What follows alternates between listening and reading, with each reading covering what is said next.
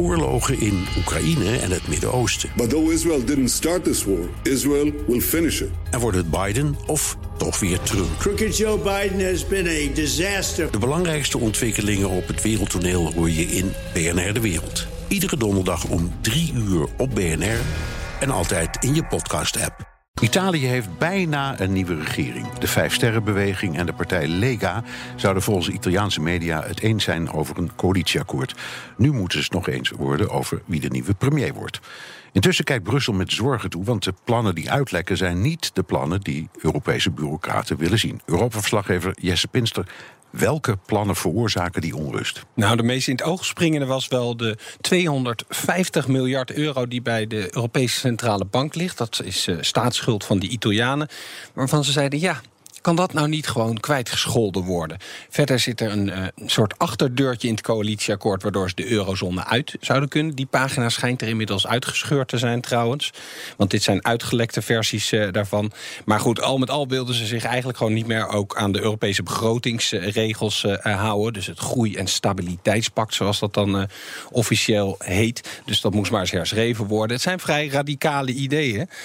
nou zijn dus uitgelekte plannen. Er wordt nog wel... Ja, ze zeiden al gelijk, ja, zo scherp komt het niet in. Dus we moeten nog eventjes wachten om te zien wat er precies in gaat staan. Maar de bottom line is wel dat ze gewoon meer geld willen uitgeven en minder inkomsten hebben. Want pensioenhervormingen terugdraaien, belastingontduikers die willen ze gaan ontzien. Ze willen een basisinkomen invoeren voor arme Italianen, belastingen verlagen.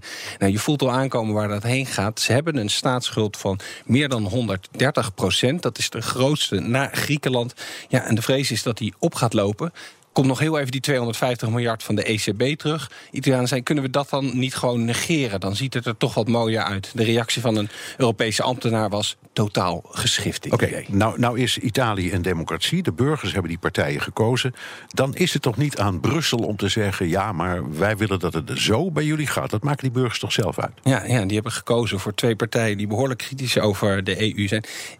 Brussel kan daar niet zo goed mee omgaan. Dat zijn bureaucraten die hebben regels en die willen dat iedereen zich aan die regels houdt. En ze zijn niet zo flexibel om met dit soort dingen om te gaan. En je ziet ook veranderingen in Polen en Hongarije. Weet je, dat is ook. Ja, ze hebben regels en daarmee werken ze. En that's it. En dat zie je dus nu eigenlijk uh, bij Italië ook weer.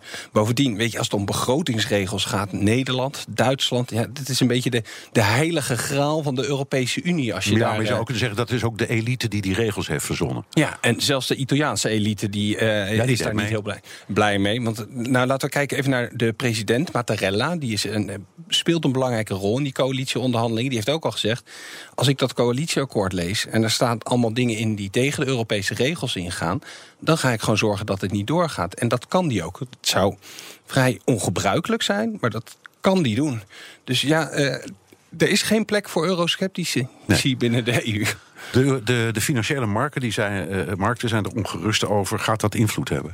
Um, ja, ik, ik, ik, denk het wel. Je zag inderdaad dat de beurs in Milaan omlaag ging. De, de, de rente op staatsleningen die oploopt. Zelfs de waarde van de euro die daalde werd toegeschreven aan Italië. Dat probeerden dan die coalitiepartijen nog eventjes goed te praten door te zeggen... ja, maar we willen gewoon terug naar de tijd voor het verdrag van Maastricht... toen we nog de lira hadden. Nou ja, nog meer onrust natuurlijk. Maar voor de EU is het eigenlijk wel fijn. Het is natuurlijk een beproefde techniek. We hebben Griekenland gehad. Dan zag je de druk van de financiële markten oplopen. En dan moesten ze uiteindelijk toch accepteren wat ze vanuit Brussel wilden. En ook in Italië, Berlusconi, 2011, val van zijn regering... zou je indirect kunnen linken aan die druk vanuit de, de financiële markten. Maar de coalitiepartijen die er nu zitten, die zeggen... ja, dit is gewoon blackmail. En hoe harder ze proberen ons te chanteren... hoe harder ik terug zal slaan. Dankjewel, Europa-verslaggever Jesse Pinster. Ook Diana Matroos vind je in de BNR-app. Ja, inderdaad. Je kunt live naar mij luisteren tijdens de Big Five. Ook handig in de BNR-app. Breaking nieuwsmeldingen, maar ook het allerlaatste zakelijke nieuws. En je vindt in de app alle BNR-podcasts, waaronder Wetenschap Vandaag. Download nu de gratis BNR-app en blijf scherp.